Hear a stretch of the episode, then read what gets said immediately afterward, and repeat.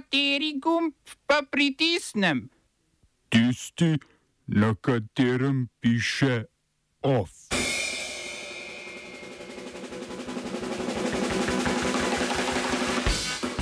Izraelska vojska ubila tri vodje islamskega džihada v Palestini. Paramilica aretirala nekdanjega pakistanskega premijeja Imrana Kana. Kitajska povračilno izgnala kanadsko diplomatko.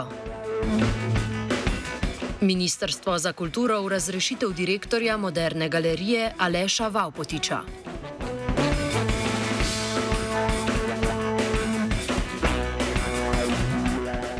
Izraelska vojska je v zračnih napadih na Gazo, kjer so po lastnih trditvah napadli člane islamskega džihada v Palestini, ubila 13 ljudi. Med njimi tri vodje džihada, poveljnika za severno Gazo, džihada Al-Ganama, posrednika skupine med člani v Gazi in na Zahodnem bregu Kalila Al-Batinija ter sekretarja vojaškega sveta islamskega džihada Tarika Izeldina. Poleg tarč je izraelska vojska ubila vsaj devet civilistov, med drugim žene in otroke članov islamskega džihada. V napadih so izstrelili več kot sto izstrelkov, operacijo pa poimenovali Ščit in Puščica. Izraelska vojska je še svetovala naj Izraelke in Izraelci v naselbinah v bližini Gaze ostanejo blizu bombnim zakloniščem.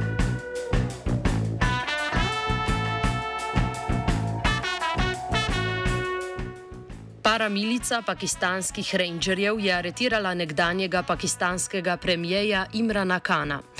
Kana je milica, ki sodi pod okrilje državne vojske, aretirala pred zaslišanjem na visokem sodišču v Islamabadu zaradi obtožb po prodaji diplomatskih daril in prikrivanju premoženja v času, ko je vodil vlado.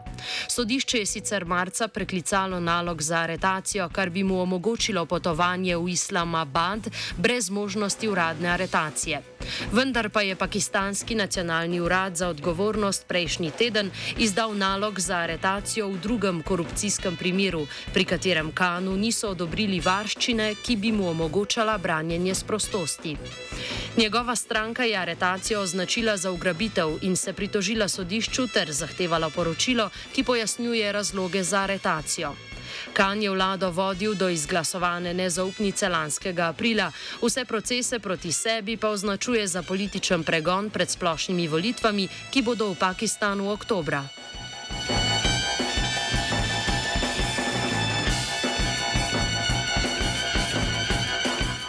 Šrilanško ustavno sodišče je odločilo, da predlog zakona, ki dekriminalizira homoseksualnost, ni v nasprotju z ustavo. Predlog, ki ga je v proceduro vložil poslanec Premanad Dolavate, za potrditev potrebuje podporo 225 poslank in poslancev parlamenta. Vlada Dineša Guna Vardene je predlogu sicer napovedala podporo.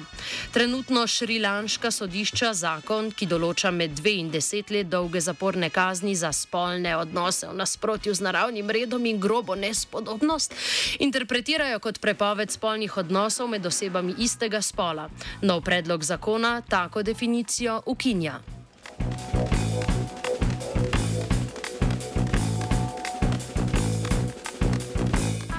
Kitajska je izgnala kanadsko diplomatko v Šanghaju Jennifer Lin Lalonde, potem ko je Kanada včeraj enako storila s kitajsko diplomatko v Torontu Cao Wei.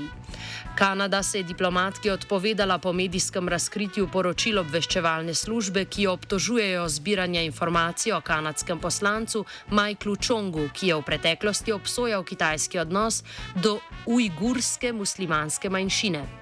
Po poročilu obveščevalne službe je kitajska diplomatka informacije zbirala od leta 2021, ko je Chong v parlamentu predlagal, da kitajsko obravnavo ujgurov razglasijo za genocid. Kitajska je obtožbe zanikala in proti Čongu uvedla sankcije. V poročilih med drugim obveščevalna služba zatrjuje tudi, da se je Kitajska poskušala vmešavati v kanadske volitve. Kitajska je poročila označila za klevete, odločitev o izgonu pa za provokacijo.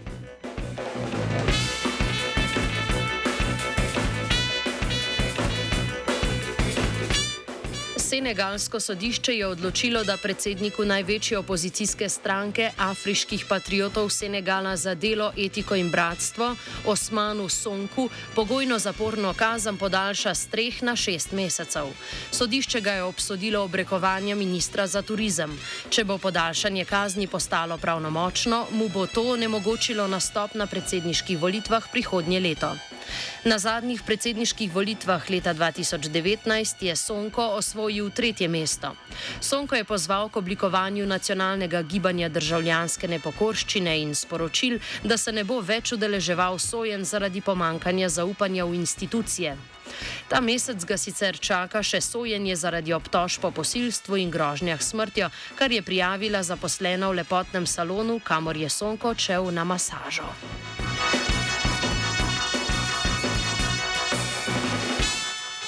Na drugi strani Sredozemskega morja pa je italijansko sodišče zavrnilo izročitev Monike Bellini belgijskim organom pregona. Bellini je bila davčna svetovalka zdaj že nekdanjega italijanskega evropskega poslanca Antonija Pancerija. Panceri z belgijskimi oblastmi v zameno za nižjo kazen sodeluje pri preiskavi sumov katarskega podkupovanja uslužbencev Evropskega parlamenta. Predsedujoči sodnik je povedal, da sodišče od belgijskih organov ni prejelo ustreznih dokumentov. Belin je sicer bila v hišnem priporu od januarja, ko so jo v Milanu aretirali na podlagi evropskega naloga za aretacijo, do februarja, ko je italijansko sodišče pripor preklicalo. Smo se osamosvojili, nismo se pa osvobodili. Naslednje število je še 500 projektov izpiljene modele, kako so se strani nekdanje LDS rotirali. Ko to dvoje zmešamo v pravilno zmes, dobimo zgodbo o uspehu. Takemu političnemu razvoju se reče udar. Jaz to vem, da je nezakonito, ampak kaj nam pa ostane? Brutalni obračun s politično korupcijo. To je Slovenija, tukaj je naša zemlja, to je Slovenija, Slovenija, Slovenija. Ministrstvo za kulturo pod vodstvom prve dame Levice Aste Vrečko je začelo postopek za predčasno razrešitev direktorja moderne galerije Aleša Vaupotiča. Vaupotiča je na to mesto imenoval nekdani kulturni minister Vasko Simoniti. Na ministrstvu so se za razrešitev odločili po več javnih pismih, v katerih so zaposleni in organi zavoda opozarjali na slabo vodenje direktorja in pozivali k njegovi razrešitvi. Ministrstvo je prijelo tudi več opozoril o težavah pri sodelovanju z umetniki in realizaciji programa ter o slabih odnosih med vodstvom in zaposlenimi. Ministrstvo je direktorja seznanilo z razlogi in ga pozvalo naj se do njih opredeli. Moderna galerija nima potrjenega programa dela in finančnega načrta za letošnje leto, saj ga strokovni svet in svet javnega zavoda zaradi neusklajenosti, napak in pomankljivosti nista potrdila.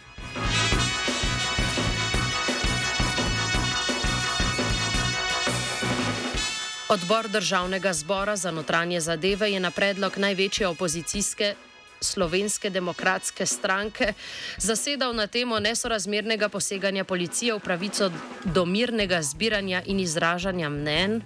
Odbor, v katerem večino obvladujejo koalicijske stranke, je na koncu sprejel sklep, da je policija ravnala zakonito. Poslanska skupina SDS, ki se je seje uradno zaradi dela na terenu ni udeležila, je sklic seje zahtevala potrditvah enega kmetov na družbenih omrežjih, da je policija obiskovala kmete na domu in jih spraševala, ali se bodo udeležili napovedanega protesta.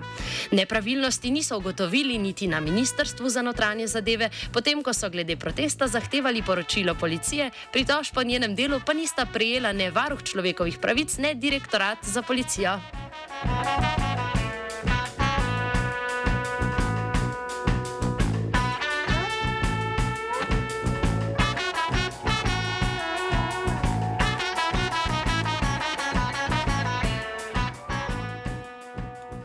Vse najboljše radio študent želi tudi Blaž. V aktualno politični redakciji se na dan zmage in rojstni dan radia spominjamo predvsem nekdanjega sodelavca Nejca Marcena, prav tako rojenega 9. maja. Radio študent 89,3 MHz.